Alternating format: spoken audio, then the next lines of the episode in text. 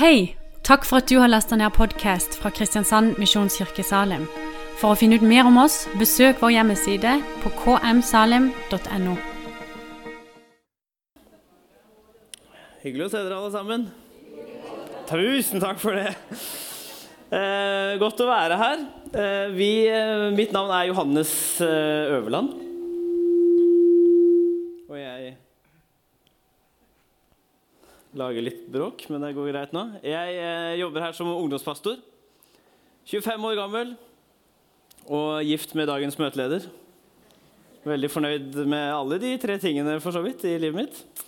Og eh, skal tale eh, her eh, i formiddag i taleserien vi er som heter Guds rikes gaver. Og vi skal snakke om åndens eh, gaver i dag. Og eh, som vi har nevnt eh, så vidt eh, tidligere, så er vi jo i bønn og faste sammen som menighet i denne helga her. Og jeg har vært med på bønn og faste, og det har vært en veldig fin opplevelse. Ehm, eh, men jeg må også legge til at jeg har jo da, hvis dere er kjent med faste, så vet dere at jeg har jo ikke spist. Så jeg vil bare si at hvis talen i dag blir dårlig, så skylder jeg på det. At jeg ikke har spist. Og hvis jeg blir litt for engasjert i dag, så skylder jeg også på det. Fordi at det er noe fint med å være sammen i faste. Og vi hadde en eh, samling her i går hvor vi ba sammen, eh, hvor vi var stille, hvor folk eh, fikk høre fra Jesus. Og, og det var veldig sterkt å være med på. altså. Så jeg må innrømme at jeg er litt lav på energi, men jeg er ut, også utrolig gira. Så det kan hende at jeg blir litt vel engasjert, men dere får bære over meg med det. Og eh, altså alderssnittet på den samlingen skal vi si at det var over eh, At det var, kanskje var 60 og over. Vi, det, var, det er lov å si det. Men allikevel så avslutta vi bønnemøtet med 'Det begynner her i toppen'. Det gjorde vi faktisk. Så hvis du tror at det er kjedelig på bønnemøtet i Salem, da har du ikke vært på et. Det har vært veldig fint å være sammen eh, i bønn og faste. Og eh, i dag skal vi altså se på åndens gaver.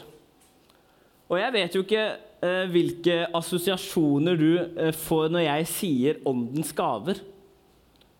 Jeg vet ikke om du tenker at dette er noe som du har eh, hørt eh, veldig lite om. Kanskje helt ukjent for deg. Eh, kanskje du kommer fra en sammenheng hvor du tenker at vi har nesten ikke hørt om Anna. Eh, og kanskje dette er noe som er veldig vanskelig for deg, fordi det kanskje har vært et stort press på at åndens gaver, eh, det er det må, Hvis du er kjempekristen, så har du masse av det. og kanskje, Så kanskje du kjenner på skam rundt det. Eh, kanskje du syns det er veldig fint. Jeg vet ikke eh, hva du, hvilke assosiasjoner du, du får, men hvis vi tar neste, neste, bilde, så ser vi at Paulus han skriver at 'jeg vil ikke at det skal være uvitende rundt åndens gaver'. Og så sier han altså 'jag etter kjærligheten og søk åndsgavene med iver'. Så eh, det er det vi skal gjøre i dag. Vi skal, eh, vi skal, ikke, vi skal, vi skal ikke være uvitende rundt åndens gaver. Og vi skal jage etter dem med iver. Og det er derfor vi er her nå, for at du skal få, få vite det, hva åndens gaver er. Og jeg tror at ofte så kan vi i fare for at dette med åndens gaver og nådegaver det kan kanskje ha blitt oppfatta som veldig svevende og veldig åndelig og kanskje veldig eh, vanskelig å, å, forholde seg til, og noe som har vært liksom litt langt borte. Jeg, og Derfor så havner vi i en grøft og holder oss borte fra og snakker ikke så mye om åndens gaver. Men jeg tror at det faktisk er det stikk motsatte. At åndens gaver det er noe som er gitt oss, og som er noe konkret, og som er noe som vi kan forholde oss til, og som kan, kan være med å prege den vanlige hverdagen til deg og meg. Og eh, en setning som jeg har stjålet fra eh, vår tidligere hovedpastor Geir Johannessen, som sier noe veldig fint om dette, det er at eh, vi ønsker å være eh, overnaturlig på menneskelig vis og menneskelig på overnaturlig vis. Det er en god setning. Vi ønsker å være menneskelig på overnaturlig vis og vi ønsker å være overnaturlige på menneskelig vis. Og Det er det vi har lyst til å gjøre her, og derfor må vi vite litt om eh, åndens gaver. Og jeg tror at den kan hjelpe oss å være overnaturlig på menneskelig vis og menneskelig på overnaturlig vis. Så eh, vi skal se på et par ting rundt åndens gaver, og det første vi skal se på, er hva er åndens gaver? Og eh, de beskrives Det er 155 bibelvers som nevner eller beskriver åndens gaver, og det er 65 vers som gir narrative beskrivelser om hvordan de utspiller seg. Det er altså eh, altfor viktig for at vi bare kan overse det fullstendig. Og eh, for å presisere det det er ikke det samme som Jeg kan vente litt med den uh, sliden, sånn at, ikke, at, noen faktisk hører etter når jeg snakker og bare ikke leser der.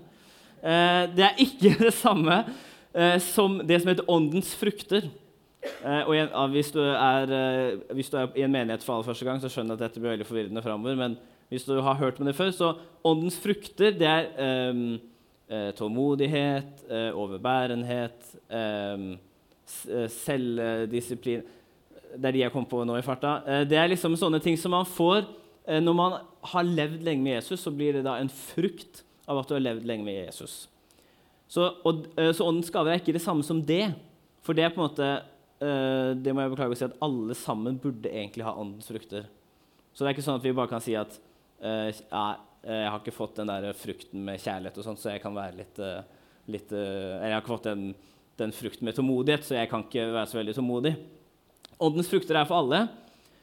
Og åndens gaver er heller ikke det samme som at man er veldig flink i noe. nødvendigvis. Fordi at man kan være flink i noe uten at det har eh, noe som helst med Gud å gjøre.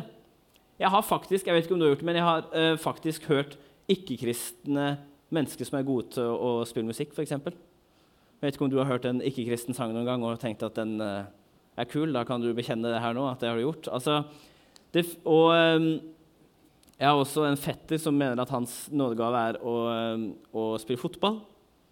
Uh, men han ble ikke fotballproff, så da kan man tenke ja, var det egentlig det? Men det er jo en helt annen ting. Men, uh, så det er altså ikke det samme som åndens frukt, og det er heller ikke det samme som at man bare er god i noe.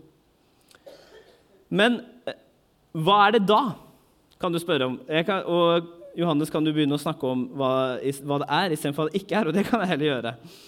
Altså, Åndens gaver, det er noe som alle får.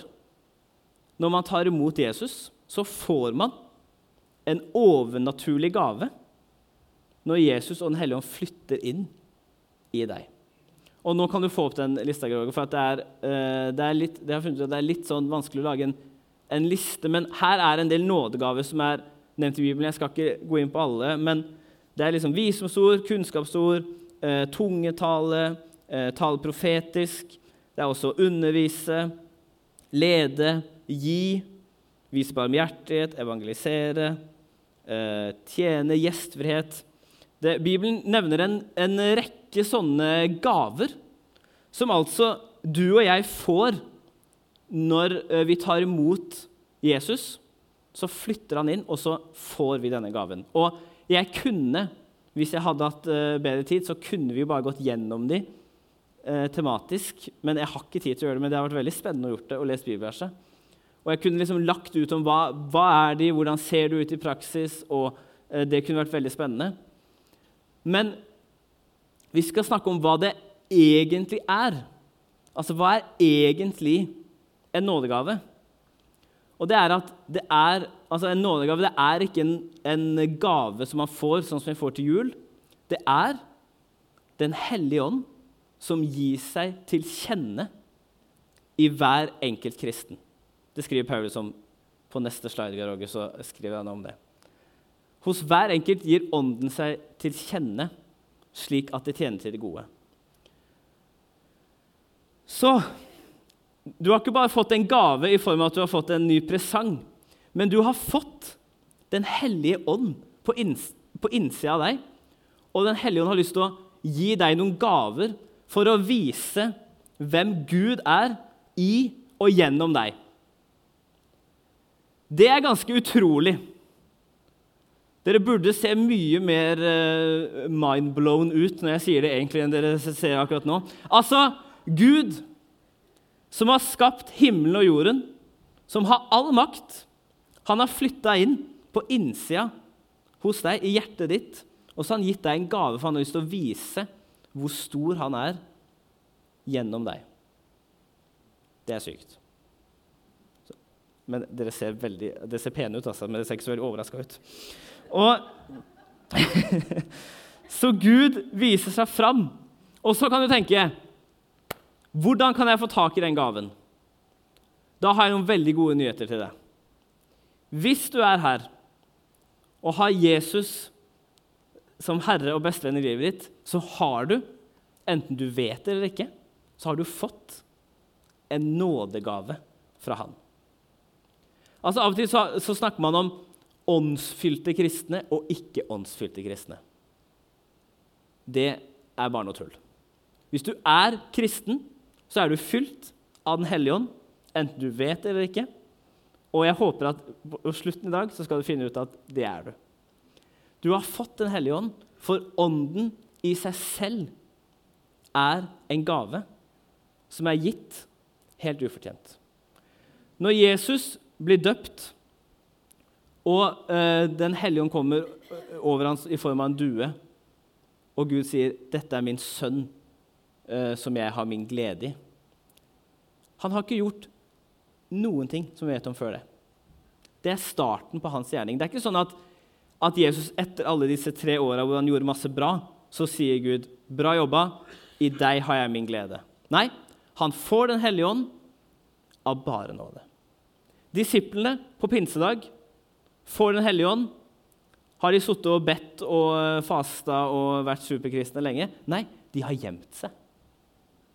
De sitter og gjemmer seg, og så kommer Den hellige ånd. Så hvis du er her inne og har en eller annen tanke om at jeg er ikke kristen nok til å ha Den hellige ånd, så sier jeg i nåde og sannhet du har fullstendig feil. Du har fått Den hellige ånd, og han er en gave. Og eh, Geir Roger, du får det vanskelig på skjermen i dag, men jeg har, jeg har med et bilde. Eh, og så er det bilde av noen som bader. Se om du ser det der. Ja, det er Jesus som bader, men det er et annet der. Her! Altså Norge og Grønland. Heng med meg på dette. Eh, det ligger oh, Hvis det er noen som er veldig god på geografi, ikke arrester meg veldig. Bare vær litt sånn vennlig innstilt nå. Norge og Grønland de ligger ca. likt på kloden vår. ikke sant? Vi er, vi, i utgangspunktet ganske like land, burde ha eh, ganske eh, klimamessig like forhold. Kan vi være enige om det? I Grønland, juli i Grønland 2020, så var det minus 33 grader på, altså, I fellesferien i Grønland, når alle sammen skal ut og sole seg og bade, så er det minus 33 grader. Mens her, som vi ser i Norge, så kan det jo være opptil 33 grader omtrent. Kanskje ikke så høyt, men det kan jo det. Når jeg gifta meg, så var det 30 grader. Jeg var jo så svett hele den dagen at uh, det, var, det var ikke bra. Men hvorfor er det sånn? Jo, fordi at Norge er velsigna med varme strømmer fra Mexicogolfen. Så får vi strømmer med masse deilig varme, og så har vi det varmt. Mens stakkars de på Grønland de går med stillongs midt i fellesferien. Hvorfor sier jeg dette? Jo, fordi jeg tror at på samme måte så er det med Den hellige ånd og kristenlivet vårt. Jeg tror at hvis vi, uten Han så kan det være kaldt, og det kan være tørt, og det kan være litt livløst. Men så kommer han i form av en Mexico-golf, i form av strømmer av levende vann. Nå er jeg jo på bibelske bilder plutselig her, før du aner ordet av det. Så kommer han, og så gir han varme, og så gir han liv, og så gir han kraft inn i hverdagen til deg og til meg. Og den velsignelsen der den har du bare fått. Hvis du har Jesus i hjertet, så har du den. Ferdig med det. og nå um, Ja, så hadde vi oppe den lista det må jeg jo si at hvis du vet at du har en nådegave, og så er du misfornøyd med den, uh, så står det i Bibelen at Den hellige ånd deler ut sine nådegaver slik som han vil. Så hvis du er veldig misfornøyd med den nådegaven du har fått, så hjelper det ikke å klage til Geir Johannessen eller til lederskapet i menigheten. Du må nesten ta det opp med Den hellige ånd. For han deler ut sine nådegaver akkurat slik som han vil. Og det er jo et vakkert ord. Nådegave. Vi har fått en gave i bare nåde. Og hvis du er sånn som meg nå, så er du litt tørst, og så er du kanskje litt gira, og så tenker du disse gavene har jeg jo veldig lyst til å begynne å bruke. Mm. Og eh, Paulus, når han skriver dette korintbrevet, så, så skriver han til om mennesker som er veldig gira på å bruke disse nådegavene. De bruker de nesten for mye. Så da, kanskje, så da, må vi kanskje stoppe litt opp, og så må vi spørre oss hvorfor får jeg disse gavene. Og da eh, kan du få opp den sliden der, eh, Geir Åge, hvor det står noen bilbæsj. Hvor Paulus skriver noe om hvorfor får vi disse gavene. Han skriver hos hver enkelt gir ånden seg til kjenne, slik at det tjener til det gode. Sier han igjen, Den som taler profetisk, taler for menneskene til oppbyggelse, formaning og trøst.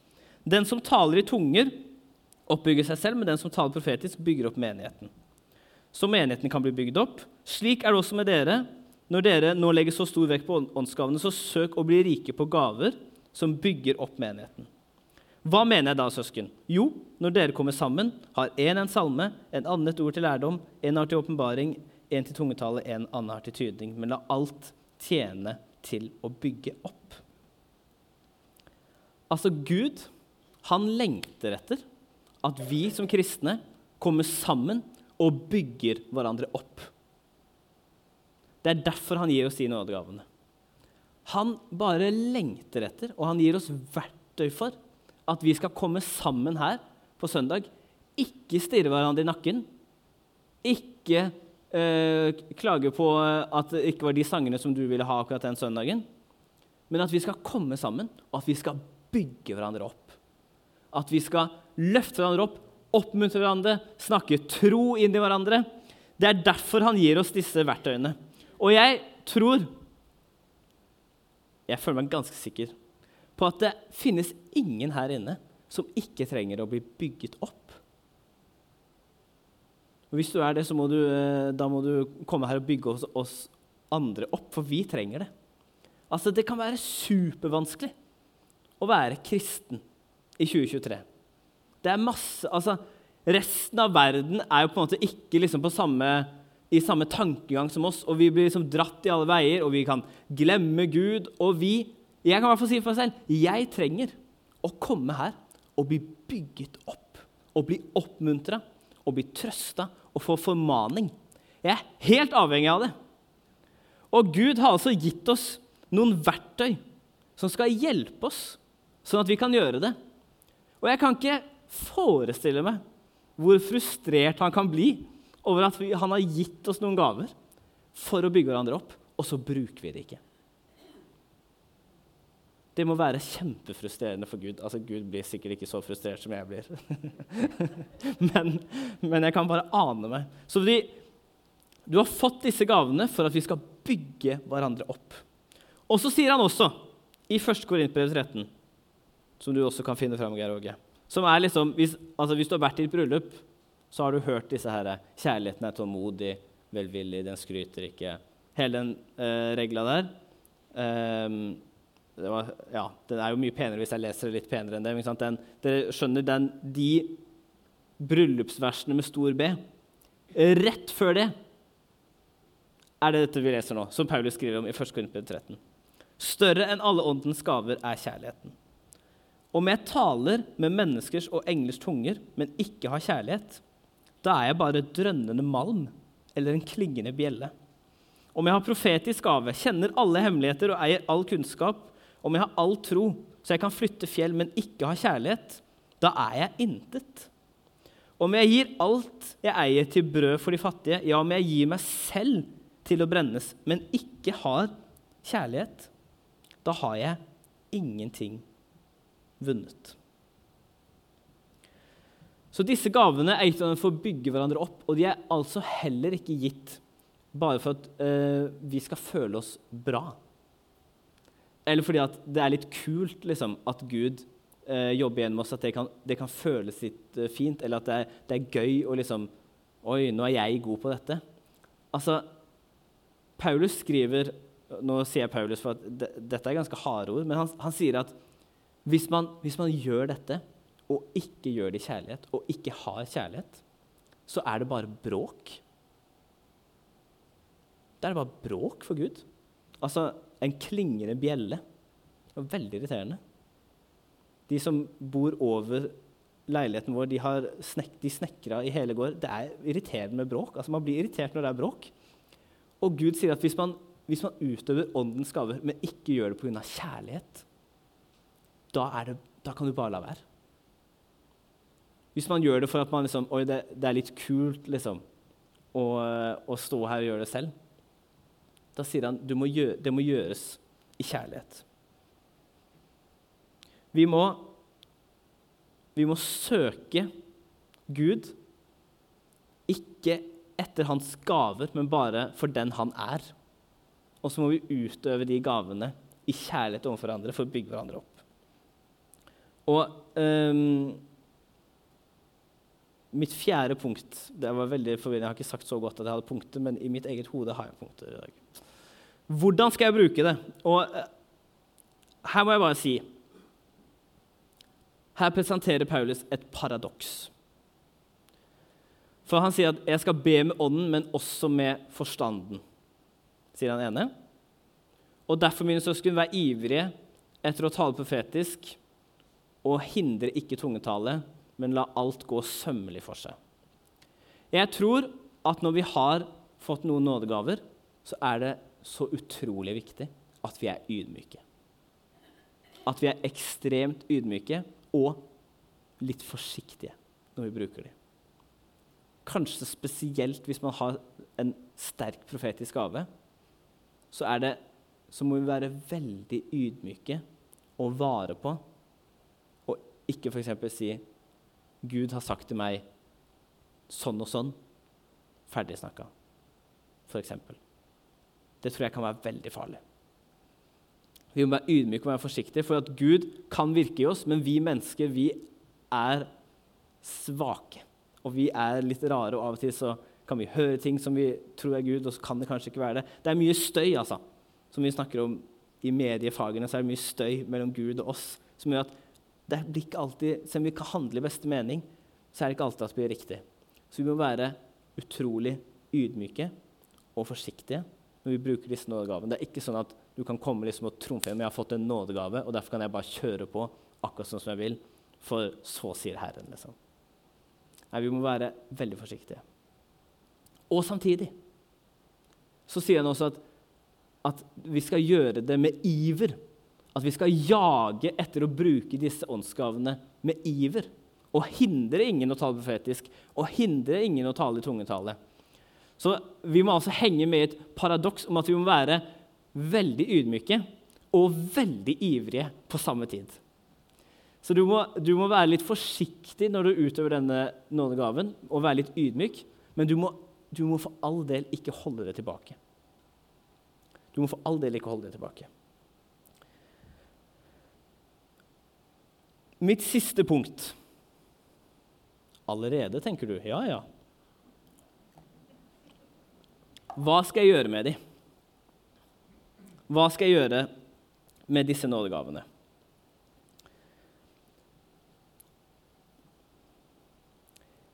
Vi må, vi må, altså, du må finne ut hvilken gave du har, og så må du bruke den opp for å bygge opp oss andre og menigheten i kjærlighet. Og min påstand nummer én det er at ditt kristenliv har ikke råd til å gå glipp av nåde, at du bruker din nådegave. Altså det er, det er som forskjellen på å være i Norge og Grønland i juli. Du vil helst være, hvis du vil bade, så vil du helst være i Norge.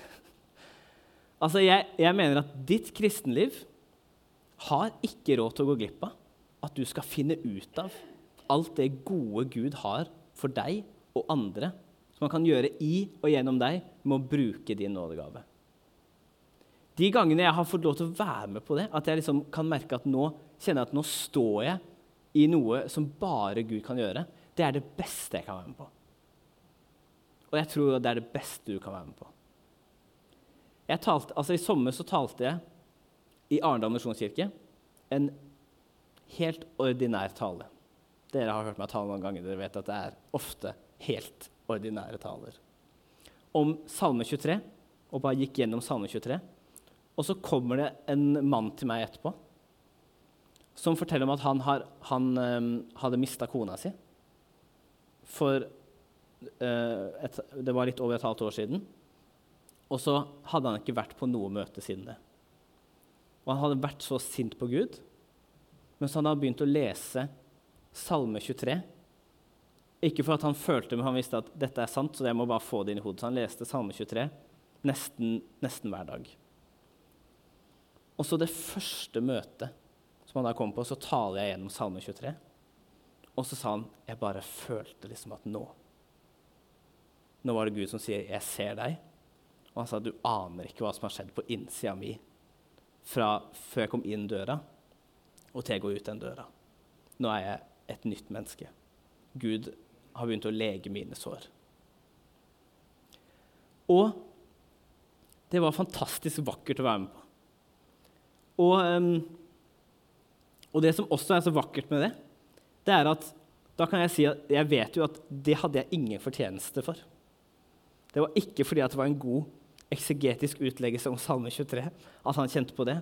Nei, det var fordi at Gud kunne gjøre noe gjennom meg som jeg aldri kunne fått til selv. Og det, han skal ha hele æren alene. Og, hvis, og, og, jeg tror faktisk at alle som er her inne, har fått en sånn nådegave som Gud har lyst til å bruke. Han har lyst til å bruke deg med den for å gi sin kjærlighet og sin storhet til andre. Og jeg mener fra dypet av mitt hjerte du, du har ikke råd til å gå glipp av når Gud gjør noe sånn gjennom ditt liv. Det er det største vi kan være med på.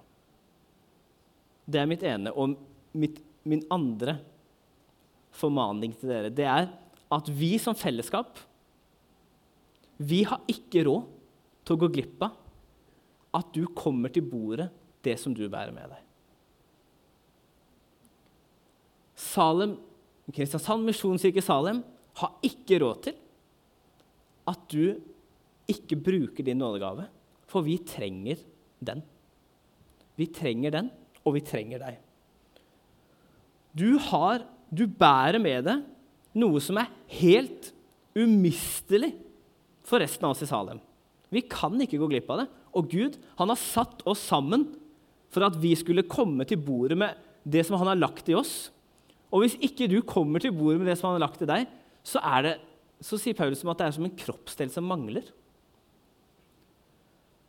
Så hvis du liksom kjenner at, at, det liksom, at, det kan være litt fremmed og kanskje litt kleint med de her nådegavene, og vet liksom ikke helt hvordan skal gå fram på det, så for vår, hvert fall, om ikke for din egen skyld, men for oss andre sin skyld Finn ut av hva som er din nådegave, og kom i gang med å bruke den her.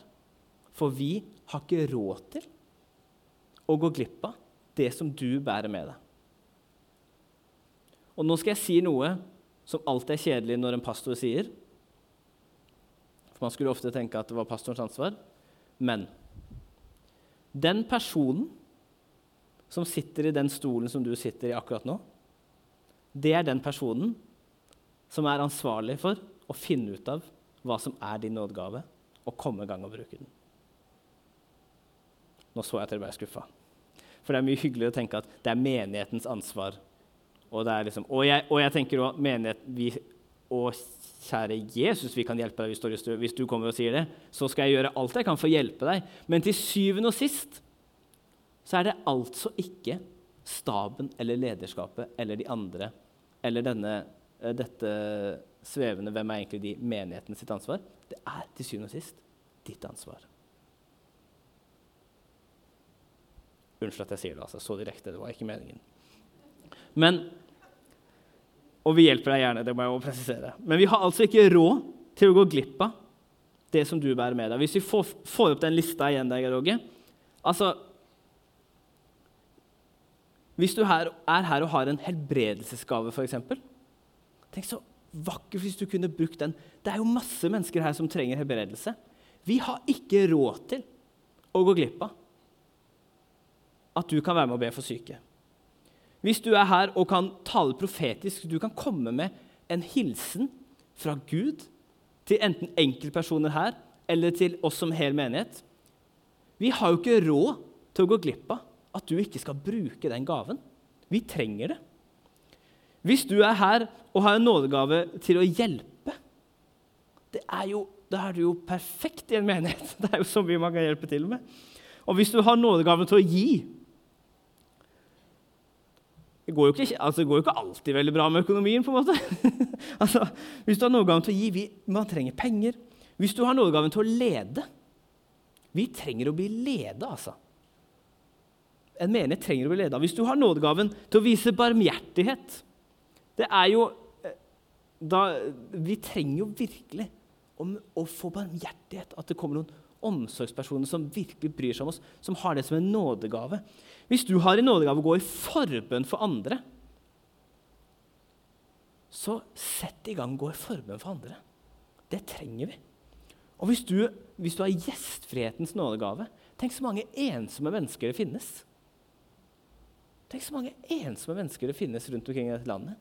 Vi har ikke råd til at, skal, at vi, kan, vi kan ikke gå glipp av at du finner ut av hvilken nådegave du har, og at du setter i gang med å bruke den i kjærlighet for andre for å bygge opp menigheten, og for at flere mennesker skal få lov til å bli kjent med Jesus Kristus. Jeg har sagt det mange ganger, men jeg vil at jeg husker det. Du har ikke råd til å gå glipp av det, og vi har ikke råd til å gå glipp av det.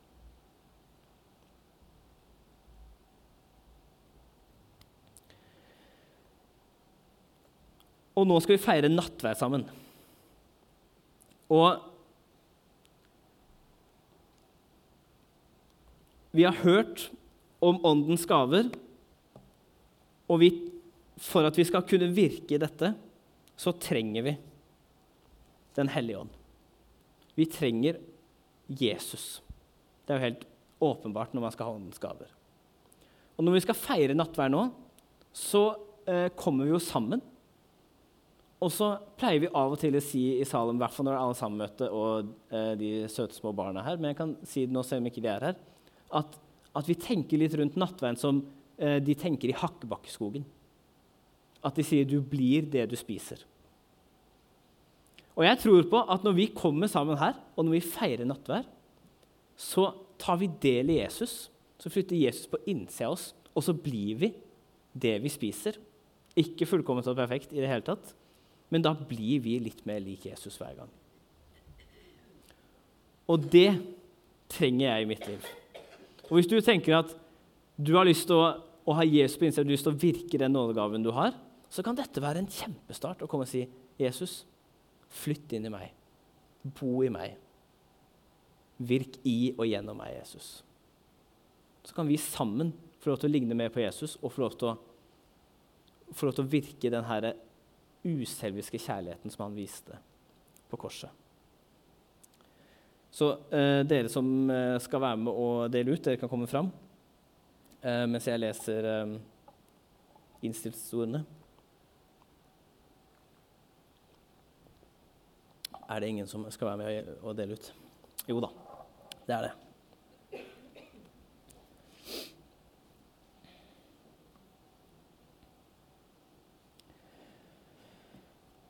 For jeg har mottatt fra Herren det jeg også har gitt videre til dere.